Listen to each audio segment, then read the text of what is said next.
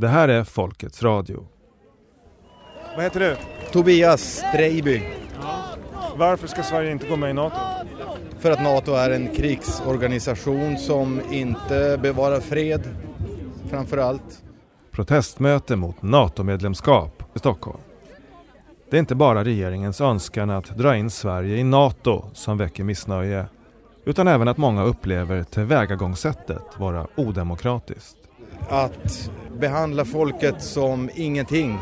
Att eliten ska bestämma att tvinga in oss i någonting som vi inte ens får säga bu eller bä.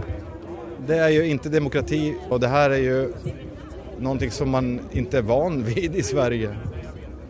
Huruvida vi ska överge den alliansfrihet som i 200 års tid hållit Sverige utanför krig är inget som lämpar sig för folket att rösta om, anser utrikesminister Ann Linde. Det är, eh, tycker jag, ett av de riktigt, riktigt dåliga idéerna. Säkerhetspolitiken eh, beslutas av regeringen efter förankring i riksdagen och just denna frågan är sällsynt illa vald för folkomröstning.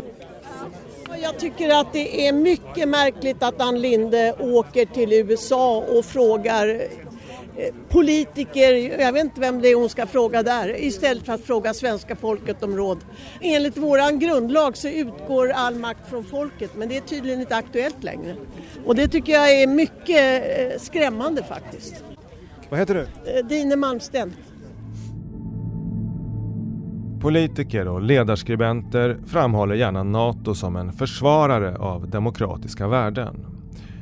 Men i realiteten har NATO via sina nätverk bidragit till att sabotera demokratiska processer. Jeremy Corbyn, 251,000.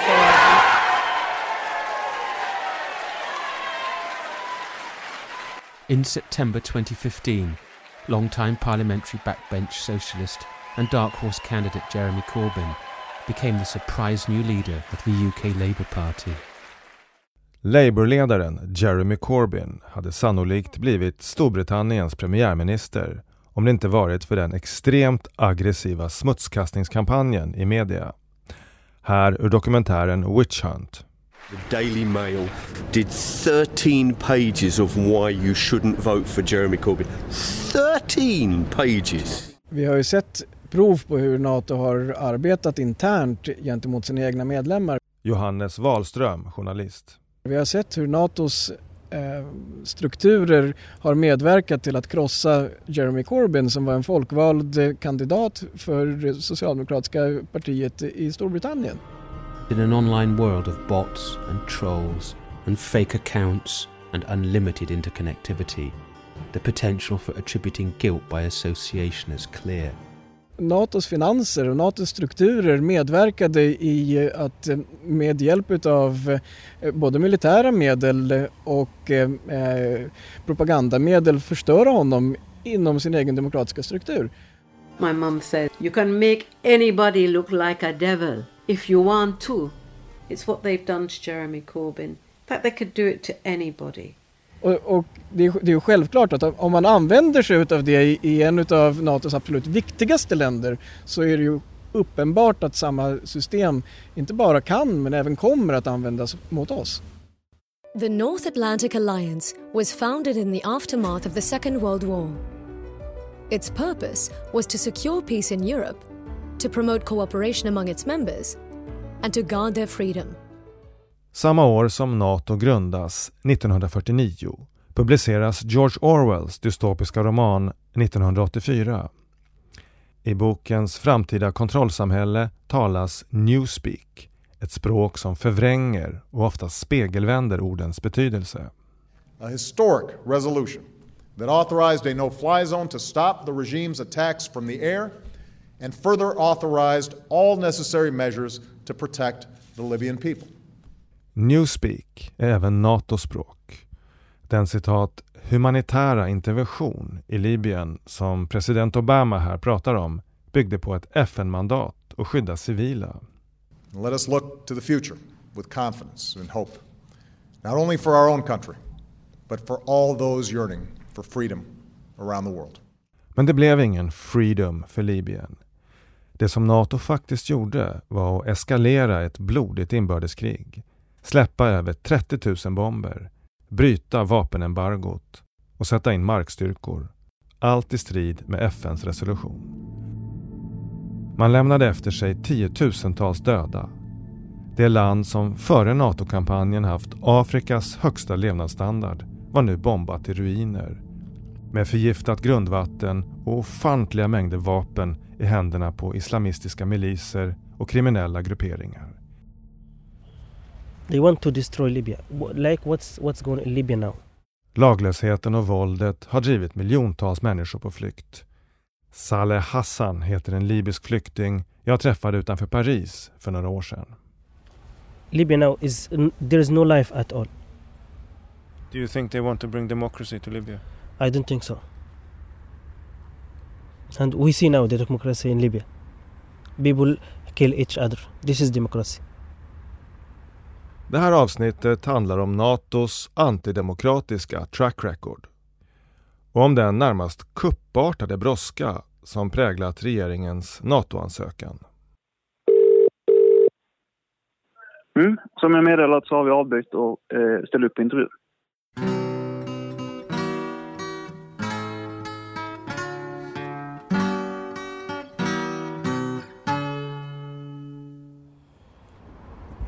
Ja, jag heter Stefan Lindgren och jag är journalist och översättare och är bland annat eh, utgivare av eh, nyhetsbanken Åtta dagar.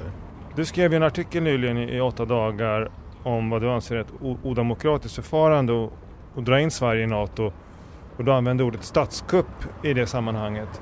Hur, hur tänker du då? Ja, alltså det är ju om man läser eh, regeringsformen så det finns ju två punkter där det, eh, som kommer in här. Dels är det i vilken ordning som riksdagen får besluta om eh, traktater, alltså avtal, fördrag med främmande makt. Och, och, då är det ju eh, ganska uppenbart att det krävs alltså tre fjärdedels majoritet eller att man fattar två beslut med mellanliggande val. Det här är den juridiska delen men sen finns det en politisk del. Det här är inget beslut som man fattar lättvindigt. Men vi måste förhålla oss till verkligheten så som den faktiskt ser ut. Och när verkligheten förändras, då ska vi fatta de beslut som krävs. Alltså det, det, svenska folket har ju i eh, många år har ju blivit undersökt av opinionsinstitut vad de har för uppfattningar om, om NATO. Och det har ju länge varit en eh, övervägande opinion mot NATO och sen har de båda opinionerna närmat sig varandra de senaste åren. Va? Men bara de senaste åren, alltså innan dess finns en lång räcka, flera, åtskilliga decennier där nej-sidan har övervägt. Och då är ju, tycker jag att det är demokratiskt tvivelaktigt att man mot bakgrund av en pågående kris pressar igenom ett beslut på kort tid. Det här är ett långsiktigt beslut och då borde också långsiktiga opinioner väga mer än tillfälliga opinioner. Eh, så att eh, jag är ganska övertygad om att eh, opinionen graviterar tillbaks till normalläget, alltså att den, flera är NATO-skeptiska än NATO-positiva när det här Ukraina-kriget har lagt sig. Så att av alla de skälen så tycker jag, så menar jag att det här är demokratiskt tvivelaktigt och det, det är väl så nära en statskupp som vi i vårt lugna land kan komma.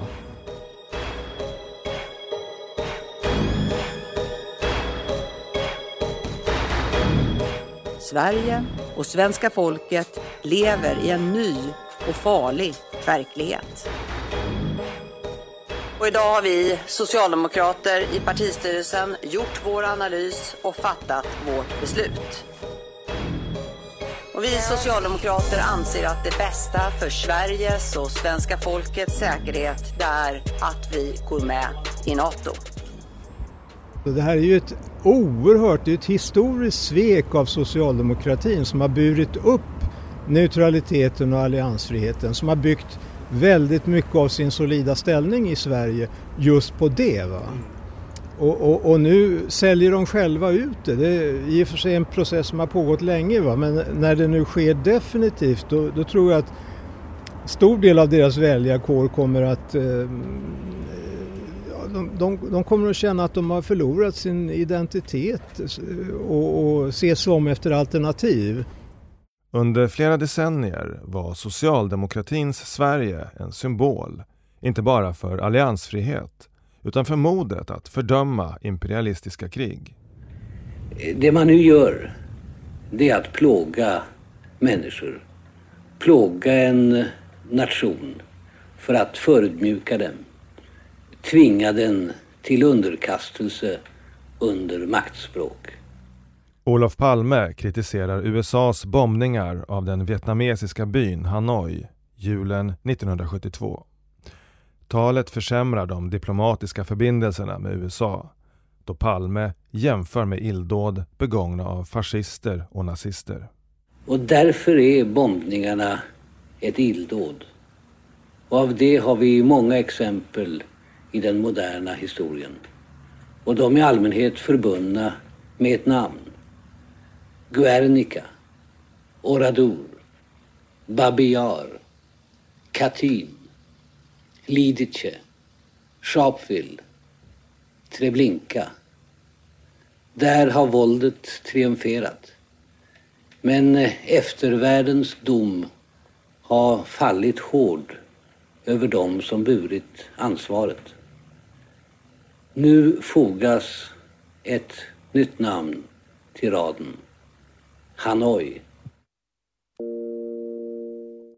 Peter Hultqvist deklarerade i höstas att han aldrig som försvarsminister kommer att medverka till att föra in Sverige i NATO. Så här säger han om det uttalandet idag. Men när kriget kommer på det sätt som det gör så då ändras förutsättningarna och då får man faktiskt eh, eh själv också vara beredd att förflytta position även vad man har gjort för uttalanden tidigare.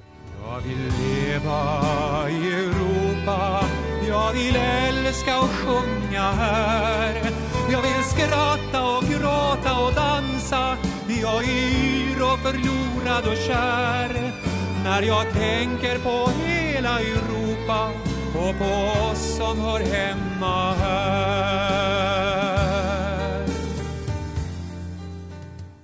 Jag frågar en jurist vid justitiedepartementets grundlagsenhet vad som faktiskt gäller. Svaret är för att Sverige ska kunna utnyttja NATOs säkerhetsgarantier fullt ut krävs ett beslut om överlåtelse av förvaltningsuppgift. Riksdagen kan fatta ett sådant beslut antingen med tre fjärdedels majoritet eller beslut i den ordning som gäller för stiftande av grundlag, två beslut med enkel majoritet före respektive efter ett val. Slutcitat. Med andra ord, om inte svenska folket får ta ställning till denna ödesfråga i en folkomröstning ska de åtminstone kunna påverka beslutet i riksdagsvalet. Jag hoppas att det, att det blir så för då har vi åtminstone en möjlighet att i valet försöka eh, stoppa det här beslutet. Alltså, och, och då helt enkelt agitera för att inte rösta på politiker som har varit med och driva fram det här kuppartade beslutet. Va? Och blir det då ett, ett riktigt eh, ett jordskred i valet i den riktningen, då kan vi stoppa det. Och jag menar, eh, förresten, alltså en stor del av SDs framgång det var ju det att de framställde sig som nationella försvarare av den svenska nationen. Och nu sitter de och är med och säljer ut den. Va? Så att de rösterna, de väljarna borde ju rimligen hamna någon annanstans nu. Det är inte bara politikernas söner och döttrar som kan hamna på slagfältet på grund av Nato, utan det är svenska folket. Den enda partiledare som tydligt markerat att hon vill se en folkomröstning i NATO-frågan är Vänsterpartiets Nooshi Dadgostar. Det här är en typisk folkomröstningsfråga. Det, det har ju tidigare utredningar också tittat på. att Det liknar EU, EMU, den här typen av frågor som vi brukar i Sverige ha folkomröstningar om. Och det finns inget säkerhetspolitiskt som gör att vi inte skulle kunna respektera de demokratiska spelreglerna. Men utrikesminister Ann Linde tycker att NATO-frågan är synnerligen olämplig att folkomrösta om. En eh, folkomröstning blir alltid polariserande, det river upp eh, eh, sår i befolkningen. Det är framförallt i detta fall ett oväntat gott smashläge för de som vill ha desinformation. Desinformation är ett ord som används allt oftare för att avfärda olika typer av kritik mot det officiella narrativet i en given fråga. Garden är så gott som alltid riktad mot öst, som om desinformationen uteslutande skulle komma från Ryssland eller Kina. Våra myndigheter och politiker tycks inte låtsas om att vilseledandet även kan komma från NATO-håll. Vi har redan nämnt smutskastningskampanjen mot Jeremy Corbyn. Även i Sverige har den NATO-nära tankesmedjan Atlantic Council diskrediterat meningsmotståndare på väldigt lösa grunder. Fredsaktivist Lars Drake har kartlagt deras verksamhet. Ja, det, dels så finns det då den här rapporten eh, om de trojanska hästarna och där, där pekas individer ut och, och beskylls för saker som är, dels finns det rena lögner och dels finns det då saker som har eh, övertolkats och det handlar om eh, det som är guilt by association. En person har varit på ett möte i, i eh, Finland och eh, där fanns även en annan person som är väldigt suspekt anser de och då kan den personen ha sen varit på ett möte i Sverige som jag var med och arrangerade och då betyder det att hela det mötet är suspekt. Hela syftet med det mötet är suspekt därför att den, en person har varit och så vidare. Det, det är bedrägligt sätt att, att föra en debatt alltså. Det blir inte sakfrågan. Det, så det var flera personer som utsattes för eh, oschyssta påhopp i den där skriften. En person som blivit föremål för dessa grundlösa anklagelser är Håkan Sundberg som tidigare var tjänsteman i Miljöpartiet. Jag blev ju väldigt upprörd när jag eh, Eh, fick ta del av den här rapporten och eh, jag trodde väl aldrig att jag skulle figurera i något sånt här sammanhang överhuvudtaget. Där Atlantic Council då, eh, är en, en amerikansk tankesmedja med nära band till NATO som smutskastar riksdagspartier, svenska freds och miljörörelsen och enskilda svenskar. När han började undersöka vad som hänt fann han att den NATO-nära tankesmedjan tycks ha nära kopplingar till Utrikesdepartementet och även får svenska skattepengar i bidrag. UD har alltså ett samarbete med Atlantic Council där man varje år betalar ungefär 2,5 miljoner kronor. För, för mig är det helt ofattbart att eh, min regering betalar så mycket pengar för NATO-propaganda. Jag ser det som skamligt att skicka pengar till en organisation som eh, som har ett sådant syfte och som agerar på det sätt som har gjort. Det, det, det finns liksom inget vettigt försvar för det.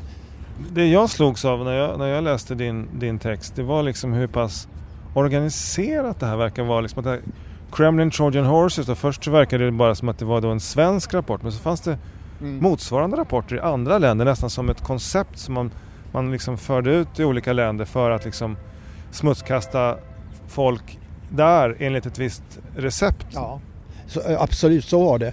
Och den boken som Sverige är med i, där finns också eh, Norge och Danmark och eh, jag, tror, jag kommer inte ihåg om det var Nederländerna också. Så det, det, är liksom ett systematiskt eh, smutskastande av människor som har en avvikande åsikt i, i de här demokratiska länderna i i princip EU eller Västeuropa så att säga.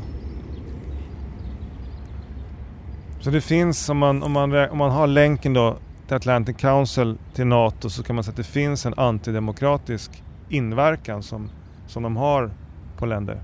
Ja, det anser jag.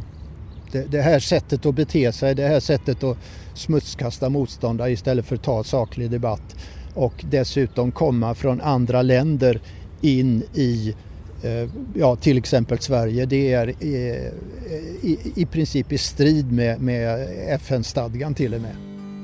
Långt ute på Tysklands hedar blev vi hejdade av en transport.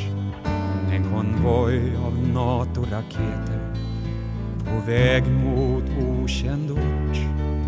Deras tyngd fick marken att själva där vi satt i vår bil och såg på. Döden, sa Lena från Småland. Den är avlång och silvergrå. För några år sedan granskade journalisten Johannes Wahlström en hemlig statlig säkerhetsorganisation i Storbritannien som heter Integrity Initiative. Den är basen för ett internationellt nätverk som formellt motarbetar så kallad rysk desinformation. Men dit räknas även NATO-kritisk opinionsbildning. Hackade dokument visar att nätverket är kopplat till smutskastningskampanjer i en rad olika NATO-länder. Men även i Sverige mot riksdagsmän och journalister. På Orwells maner är det Putins Ryssland man varnar för. Samtidigt är den statligt sanktionerade smutskastningen av oliktänkande en spikrak väg mot just den typen av auktoritärt styre. Det kanske är det som var mest otäcka med eh, just Integrity Initiative. Utifrån de dokumenten så kunde vi ju se hur ledningen för Integrity Initiative eh, ondgjorde sig egentligen inte så mycket över Ryssland så mycket som man ondgjorde sig över att Storbritannien och de övriga västerländska länderna inte var tillräckligt mycket som Ryssland. Eh, och, eh, och, ledningen skrev eh, en, en, stor deklaration där man förklarade varför Putin var så fantastiskt bra. Och man, det enda man önskade det var att, eh, eh, att England skulle ha en egen Putin. Eh, och eh, att Sverige då förmodar också ska ha en egen Putin. Så att det vi ser tyvärr i stor utsträckning ja, det är att vi går bara något enstaka steg efter den utveckling som Ryssland går i. Och det är en generell tendens utav att man kväser eh, möjligheten för olika åsikter. Man eh, stänger ner eh, misshagliga eh, perspektiv. Och eh, i det sammanhanget så tror jag inte nödvändigtvis att NATO är, är den enda stora det stora problemet. Men det kommer definitivt att, att bli en, en spik i kistan för den svenska yttrandefriheten. Jag måste bara förtydliga, alltså Integrity Initiative, skrev de verkligen så att de ville att Storbritannien skulle få sin egen Putin? Det, det är ganska intressant. Läser man själva beskrivningen eh, utav eh, själva programförklaringen utav Integrity Initiative så står det väldigt, väldigt tydligt vad man ville åstadkomma. Och det är exakt det som är eh, beskrivningen. Att, eh, eh, att Putin han klarar av att vinna konstant i, i, sin batalj mot England. Han är så smart, han är så auktoritär, han är så stark eh, och det här är precis det som vi saknar. The Alliance's founding treaty was signed in Washington in 1949 by a dozen European and North American countries. All of this in the context of countering the threat posed at the time by the Soviet Union. I Natos PR-material anges att alliansens grundande 1949 handlade om att skydda väst från Sovjet. Men varför försvann då inte Nato efter att Sovjet försvann? Enligt kanadensiske författaren Eve Engler beror det på att det verkliga syftet redan från början inte handlade så mycket om Sovjet som att motverka kapitalismens och imperialismens motståndare på hemmaplan. So after World War II, the Soviet Union was not a threat to uh, Western Europe, but uh, indigenous uh, uh socialist and communist parties in Italy, in Greece, in France had a lot of uh, uh, support. Engler intervjuas här i oberoende amerikanska nyhetskanalen The Real News. And they would have won an election in Italy, uh, almost uh, you know won 30 percent of the vote in France, uh, would have taken power in Greece if it wasn't for U.S. intervention. And so, what uh, NATO was designed to do was to uh, blunt the European left. Ett annat syfte med NATO som Engler pekar på är att driva upp staters försvarsutgifter till gagn för militärindustrin. Och ett tredje syfte är att inlämna de europeiska ländernas koloniala inflytande i Asien och Afrika under ett amerikanskt geopolitiskt paraply. NATO was uh, designed to uh, reinforce colonial power in Africa and Asia and bring it under a US-led geopolitical umbrella.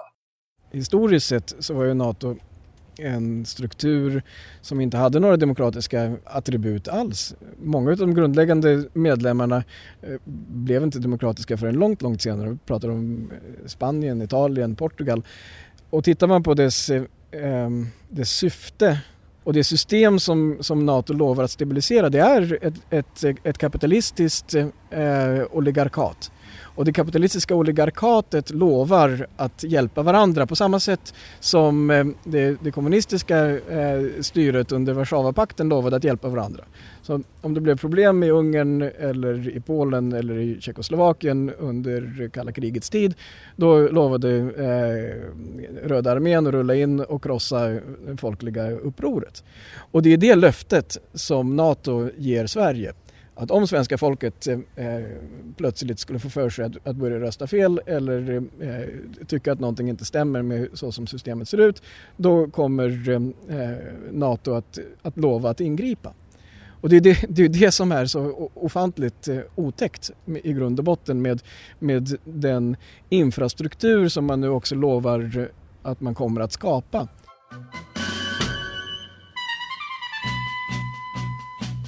So do your duty, boys, and join with pride. Serve your country in her suicide. Find a flag so you can wave goodbye. But just before the end, even treason might be worth a try. This country is too young to die.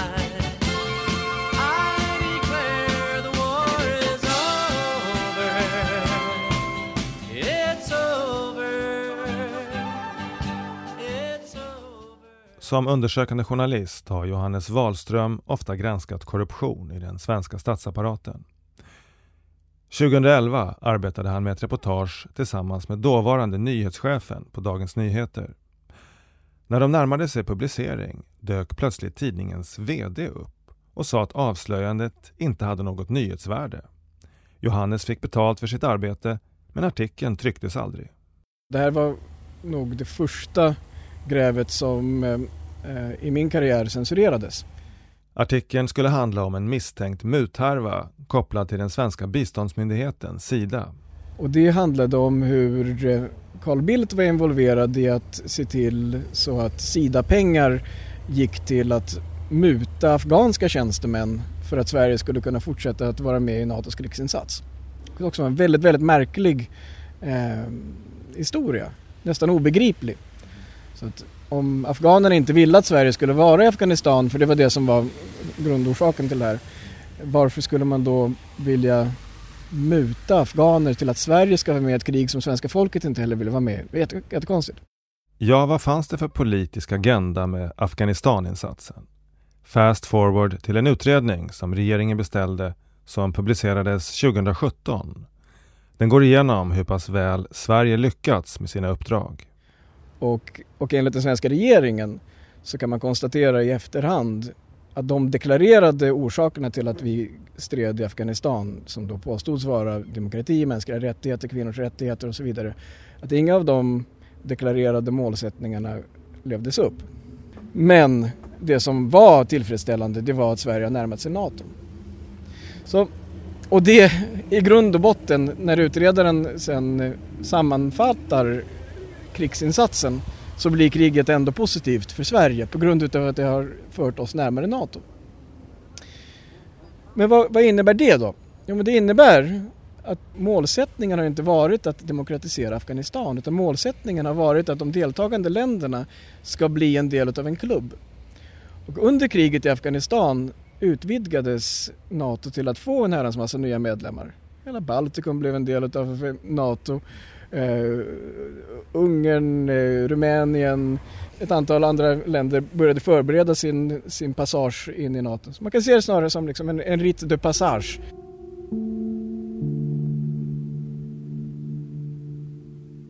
Om Afghanistaninsatsen var en initiationsrit i NATO, vad var då skälet till Sveriges deltagande i Libyenkriget 2011? Hur kom det sig att Sverige för första gången på 50 år skickade stridsflygplan till en väpnad konflikt. Som ett märkligt sammanträffande bad NATO Sverige om hjälp med just jakt, attack och spaning. De tre initialerna i JAS, Saabs stridsflygplan vars huvudägare är Wallenbergsfären. The total influence, economic, political, even spiritual. I sitt avskedstal 1961 varnar USAs president Eisenhower för det allt mäktigare militärindustriella komplexet, en sorts kartell inom försvarsindustrin och det militära etablissemanget. City, house. Håkan Juholt var ordförande för Socialdemokraterna under Libyenkriget. Han var emot den svenska flyginsatsen men gick med på en kompromiss. I samband med vår intervju 2018 spelade jag upp Eisenhowers tal. We must guard against the acquisition of unwarranted influence, whether sought or unsought, by the military industrial complex. Jag tänkte vi skulle ta lite fast forward och ställa frågan, har vi ett militärindustriellt komplex även i Sverige? Nej, inte på det sättet, men vi har som en liten nation lyckats vara de som har utvecklat ubåtar, utvecklat lastbilar, utvecklat personbilar, utvecklat flygplan. Det jag far efter här, det är egentligen ja, till att börja med en ja och nej-fråga. Mm. De som tjänar pengar på det militära, ska de ha någonting att säga till om när det gäller politiska beslut om krig och fred? Nej, självklart inte. Absolut inte.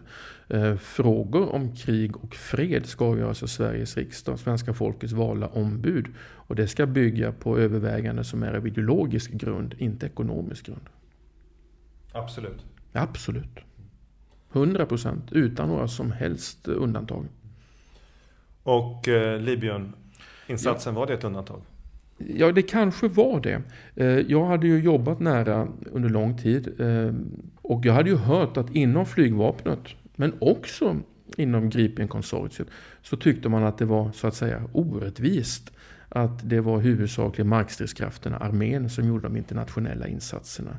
Jag förstod att eh, flygvapnets intressen att verka internationellt i samarbete med andra i kombination med Gripen-konsortiet intresse av att visa Gripen i en skarp mission över hela fältet. Jakt, attack, spaning, som är då de tre bokstäverna i JAS-namnet. Att alla tre skulle visas upp. Det förstod jag att det var ett inslag också i att det var just detta som anmäldes, att det var just detta som Sverige skulle komma med. Absolut, det förstod jag. Men att, att skicka JAS-plan till Afrika för att marknadsföra JAS Eh, och att så att säga sammanblanda det med en så kallad humanitär insats. Är det acceptabelt? Nej, jag tycker det var alldeles synnerligen olämpligt. Det är ju ingen som uttrycker det på det sättet.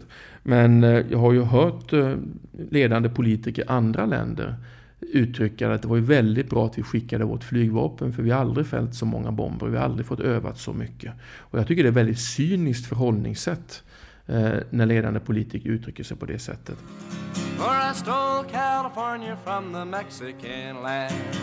Fought in the bloody Civil War. Yes, I even killed my brothers and so many others, but I ain't marching anymore.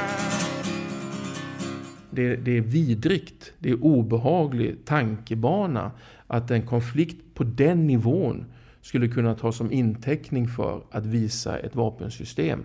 Det är för mig helt oacceptabelt. De här frågorna som handlar om försvars och säkerhetspolitik, liv och död för tusentals människor som ska fattas av Sveriges riksdag. Det ska bygga på att vi gör det för att skydda människovärden. Vi gör det för att skydda människor som är utsatta. Vi gör det för att det är viktigt för freden. Därför gör vi dessa svåra saker. Det får aldrig någonsin finnas en antydan till misstanke om att vi gör det för att någon ska få sälja en kanon eller ett flygplan eller någonting annat och passa på att visa upp den för andra. För finns bara misstanken är det livsfarligt. Skulle det dessutom vara som så att det är en av orsakerna, ja då är det helt outhärdligt. Krig och lögner hänger ihop som cigaretter och tobak. Den australiensiske journalisten John Pilgers dokumentär The War You Don't See inleds med arkivbilder från första världskrigets skyttegravar. Skeletten vi ser i dikena hade nyligen varit unga män på väg ut i livet. This was the slaughter known as the First World War. 16 millions died and 21 million were wounded. At the height of the carnage, the Prime Minister of Great Britain, David Lloyd George, had a private chat with the editor of The Guardian, C.P. Scott. Pilger återger ett samtal mellan den brittiske premiärministern och chefredaktören för The Guardian. Det var viktigt att sanningen om krigets fasor inte blev kända för allmänheten. If people really knew the truth, said the Prime Minister, the war would be stopped tomorrow. But of course they don't know and can't know. Detsamma kunde ha sagts om NATOs krig i Libyen, där Sverige deltog. Narrativet var från början till slut en enda spindelväv av lögner, mörkläggning och förvanskningar. Ett av budskapen som kablades ut i media var att Libyens ledare Muammar Gaddafi saknade folkligt stöd och förlitade sig på bestialiska legosoldater från söder om Sahara. Krigspropagandan hällde alltså bensin på den uppflammande rasismen mot svarta. Alla lögner var tillåtna för att få bort Gaddafi. Här ett kort sammandrag ur min P1-dokumentär Libyen, godhetsprojektet som blev en mardröm. Fred Abrahams från Human Rights Watch är på plats i Libyen under kriget. Han undersöker några av de uppgifter som dominerat rapporteringen i media. Bland annat den om de afrikanska legosoldaterna. The mercenary story is one that we never were able to prove and that's because I think it, it didn't really exist. Den latenta rasismen i det libyska samhället. Propagandan om Gaddafis afrikanska legosoldater och bitterheten efter striderna och dödandet har blandats till en häxbrygd av hat. I Libyen, i det land där Sverige tillsammans med NATO skyddar civila, är det nu förenat med livsfara och ha mörk hudfärg. So saying that you are coming to protect civilians in 2011 is very shameful because civilians is dying and uh, and uh, and you were the witness.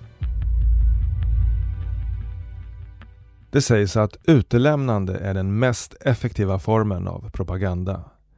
Säg Srebrenica och alla vet vad det är. Säg Tawarga och ingen har en susning. Inte ens rättstavningsprogrammet. Trots att även den staden blev föremål för etnisk rensning. Här är ett till sammandrag ur dokumentären.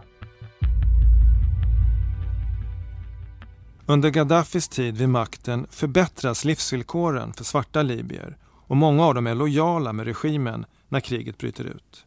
Det gäller inte minst staden Tauerga där de flesta invånarna är slavättlingar. Gaddafi-regimen använder Tauerga som bas för raketattacker mot rebellerna. Så när rebellerna intar staden den 11 augusti finns ett uppdämt och mångbottnat hat mot invånarna. Hela stadens befolkning på över 40 000 människor drivs på flykt. Husen och affärerna plundras och sätts i brand. Skolor och sjukhus förstörs. Tawerga förvandlas inom kort till en spökstad.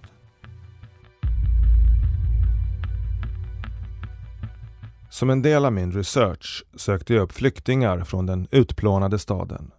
Några timmars tågresa från Paris träffar jag Saleh Hassan. NATO is bombing Tawargan people in uh, Tawargan hospital. There's many uh, Tawargan people is injured and killed inside the hospital. Why did they bomb hospital? Uh, uh, they thought that is Tawarga that it is a Gaddafi soldier uh, inside the hospital, but it's that hospital. Even though even though there's some of Gaddafi soldier inside the hospital, we need to talk like a human. They are human. This is hospital. Han var där när rebellerna intog Tawarga. They enter uh, Tawarga from three side and supported by NATO, and uh, they open fire in front of Tawargan people. men, women, old men, old women, children, they are fleeing and they are moving. They are not stopped, just they are want to kill everyone. And they need to support them. You said, I'm coming to protect civilians, but in, in reality you are killing the civilians. Ramzi Al-Toumi, som fick sin bror mördad av de NATO-stödda rebellerna, träffade jag i Cardiff i Wales. So it gives you the uh, imagination that the NATO come there to destroy the community, not to protect the community or to to, to uh, uh, protect the civilians. Because uh, give me just one reason to kill a family. But maybe they think that in this house they have hi- hidden maybe a cannon, they have hidden some weapons, they have to destroy this compound. Could be, could be, but is that like acceptable reason to kill children? I don't think so. Förutom det svenska flygvapnet har Sverige också haft ett PSYOP-förband som från en NATO-bas i Italien deltog i psykologiska operationer mot Libyen. Ett av de flygblad som släpptes i massor över Libyen föreställer en endinarssedel som brinner. Den riktar sig till Gaddafis legosoldater. Ni har begått våld mot oskyldiga civila, står det. Det här är de enda pengarna ni kommer att få. Budskapet avslutas med uppmaningen att lämna landet omgående. När jag intervjuar befälet Patrik Tomé frågar jag honom om de inte förstod vilka konsekvenser ett sånt här flygblad kunde få. Några av dem vi har talat med de eh, säger att de blev lite grann ett offer för propaganda. Att det är massa svarta legosoldater som är här och mördar. Det, det gav en sorts legitimitet till lynchningar och attacker mot svarta libyer och svarta gästarbetare som inte alls var legosoldater. Vad tänker du kring den problematiken? Ja, det är väl ett bra exempel på effekter och konsekvenser som man måste ta hänsyn till när man tar fram olika psyops-budskap och produkter. Eh, kan det här leda till effekter som inte är önskade? Och i vilken utsträckning hade ni gjort det i det här konkreta fallet? När det gäller eh, progromer mot svarta människor Nej, det upplevdes inte som ett problem där och då eh, när det gällde kopplingen till att ta fram de här produkterna. Uh, me as the Oregon people, this propaganda it's really hit hit hit us. It's hit us because we are now living in Libya, but we are not feeling that we are part of Libya because they try to make us like that. Saleh Hassan säger att den propagandan blev förödande för befolkningen i Tawarga. Nu känner de sig inte längre välkomna i sitt eget land. If you walk on the street, they try to, to say that you are black, you are not from here. You must be back home. Livet i Libyen är fortsatt riskfyllt. I synnerhet för Tavergier. När han skulle gå över gatan blev Sales lillebror ihjälskjuten av förbipasserande män i en bil.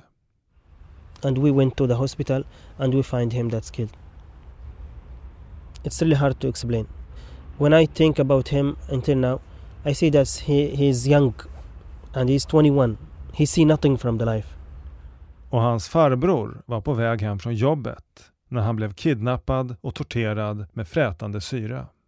He was working in, uh, in a grocery store. Uh, after 8 o'clock, he tried to get back home and they kidnapping him. Uh, two days after that, we find him. They put acid in his body. That is not. Uh, no, no human can do that. That is not. Uh, oh. May God's blessing keep you always. May your wishes all come true. May you always do for others and let others do for you. May you build a ladder to the stars and climb on every rung. May you stay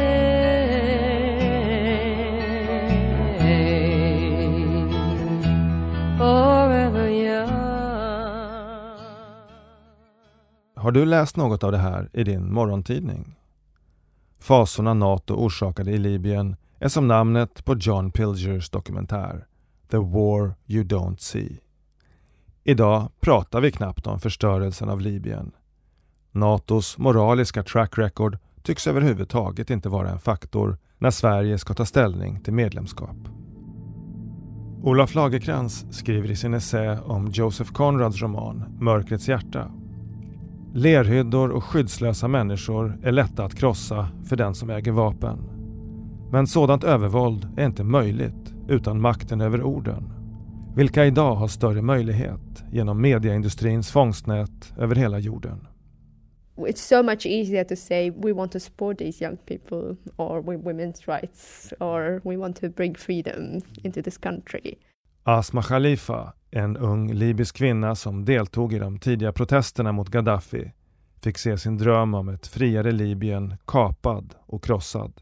De verkliga motiven bakom NATOs humanitära intervention doldes, anser hon, bakom vackra fraser om demokrati och kvinnlig frigörelse.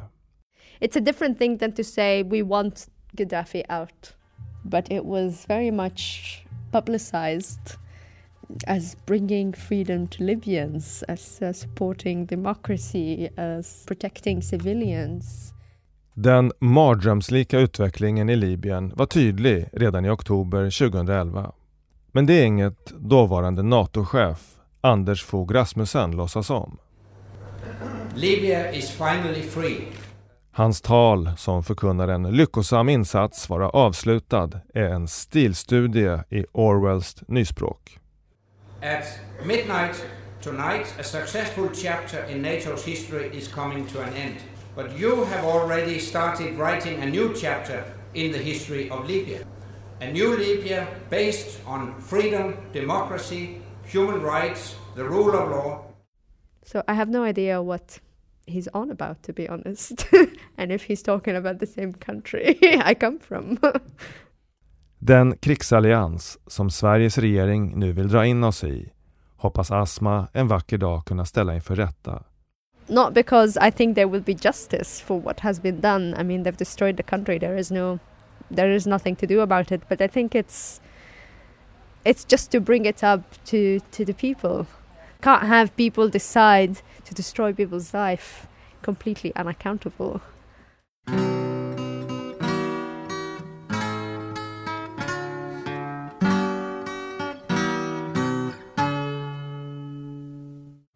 Ett citat här. Jag tänkte du skulle få läsa det. Det är översta här.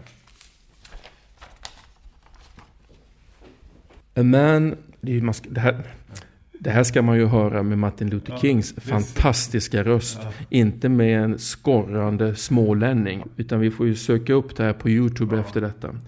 A man begins to die when he refuses to stand up for what he believes in. Um, mm. Har du känt någon gång att du lite, lite grann dog inombords när du inte följde ditt hjärta vad du egentligen ville göra där i Libyenfrågan? Ja, det är mycket enkelt att svara ja på. Ja, det har jag. Um, inte för att jag då kände till de här konsekvenserna som vi nu har beskrivit många år efteråt. För det gjorde jag inte. Det vore en felaktig historiebeskrivning.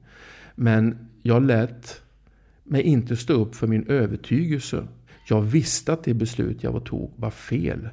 Och när jag sen fick kritiken för att jag hade stoppat bombflygningarna som jag alltså ärvde av Mona Sahlin från mina egna då började jag dö inombords lite grann. Ja, det gjorde jag. Det är riktigt. Det är nästan som man får nypa sig själv i armen. Att Sverige för drygt tio år sedan ännu hade en toppolitiker av Juholts moraliska kaliber. Han motsatte sig att Sverige okritiskt skulle ställa sina flygstridskrafter till NATOs förfogande i Libyen. Och då stack hans fiender inom partiet kniven i ryggen på honom. Det var SSU, Socialdemokraternas ungdomsförbund. Det var Broderskap, kristna Socialdemokraterna. Det var Jan Eliasson med enormt respekterade FN-insatser som då plötsligt i tv talar om att jag som nyvald socialdemokratisk ordförande, jag sviker de socialdemokratiska idealen. Att jag sviker arvet från Anna Lind som jag högaktar. När jag sviker arvet från Olof Palme som var orsaken till att jag gick med i socialdemokratin. Då var det ett sånt slag i mitt bakhuvud att jag inte reste mig från det. Och det var det som var första steget till att få mig avsatt som socialdemokratisk ordförande. Och det tror jag att de som ville mig illa var mycket väl medvetna om. Kanske var det en viktig etapp på vägen mot ett svenskt NATO-medlemskap.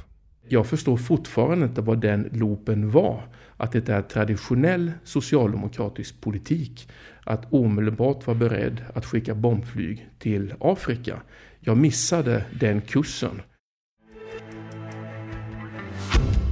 Efter den 24 februari i år när Ryssland invaderade Ukraina så lever vi alla i en ny och farlig verklighet.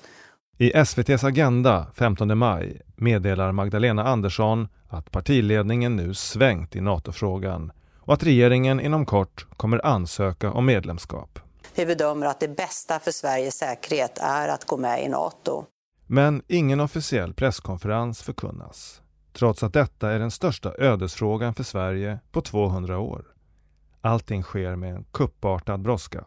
Men så nästa dag, med bara några timmars varsel, kallar Socialdemokraterna ihop med Moderaterna till en presskonferens.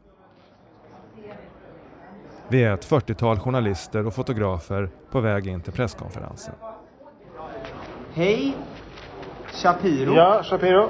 Och du kommer från? Jag är från Folkets Radio. Ja. Folkets Har du- Radio? Jajamän. Du finns inte med på listan. Har Jo, jag har anmält mig Ja, men har du fått godkänt? Alltså OK? Vad menar du med Ett mejl, va? godkänt? Nej, men eftersom det är så många som har anmält sig så kan vi inte ta in hur Men Folkets Radio är inte godkänt och får inte komma in. Det kommer inte gå för att jag har inte fått en- ett OK per mejl. Eh, Så att alla som kunde komma fick ett OK på mejl. Men eh, vad heter det, det var snabba puckar eh, och eh, väldigt snabb pressträff. Jag får veta av en SVT-reporter att de har känt till den här presskonferensen sedan dagen innan. De snabba puckarna tycks bara vara taktik. Är du förvånad över att det har skett med en sån faslig brådska? När man tänker efter eh, så är det ett ypperligt tillfälle för att inom Socialdemokratiska partiet så finns det inget stöd för NATO. Johannes Wahlström, Och orsaken är ganska uppenbar för att Socialdemokratiska partiet är den hämmade faktorn mot det svenska oligarkatet. Den uppgörelse som är Saltsjöbadsavtalet och som är byggnationen utav Sverige innebär att att den folkliga makten finns inom parlamentet eh, och eh, att eh, storkapitalet, eh, familjen Wallenberg framförallt och Investorsfären, eh, kan äga en herrans massa industrier och så vidare men de får inte bestämma över, eh, över politiken.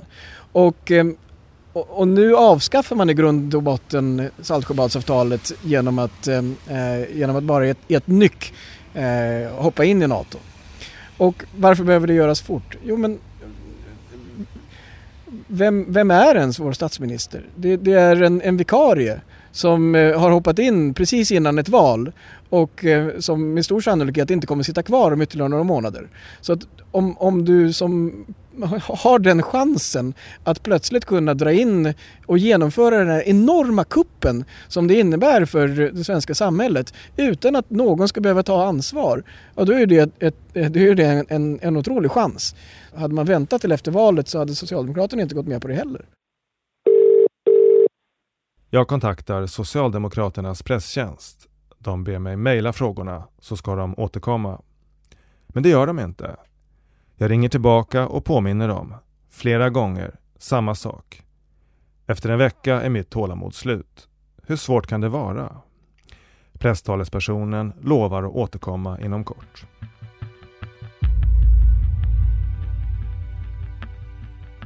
Fem minuter senare meddelar han via mail att de avböjer.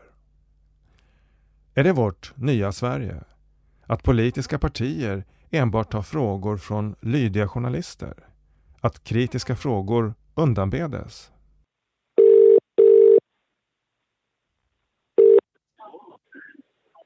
Socialdemokraterna, det är Martin Persson. Hallå Martin, det var Per Shapiro här igen. Eh, talade med dig alldeles nyss. Eh, från Folkets Mm, Radio. Hej! Ja, tack för ditt mejl här. Jag, jag såg det. Du, jag har fullt upp här antar jag nu med, med NATO-ansökan och så, eller? Vi har mycket att göra, ja. ja. Jag tänkte då kanske ni kan svara på mina frågor bara skriftligen då? Eh, Som jag meddelat så eh, har vi um, um, avbytt och ställt upp på intervju.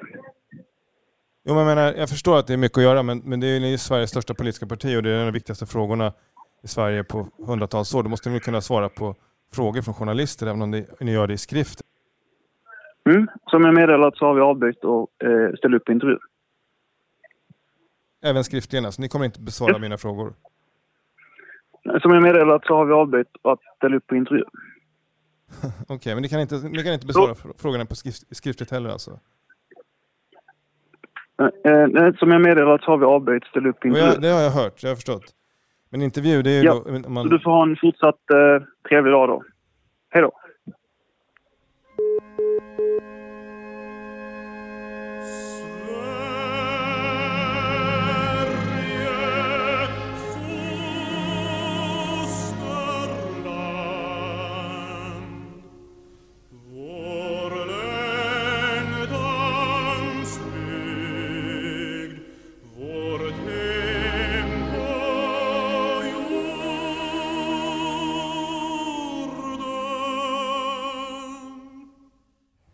Sist bara, du gav en väldigt eh, utförlig eh, förklaring där.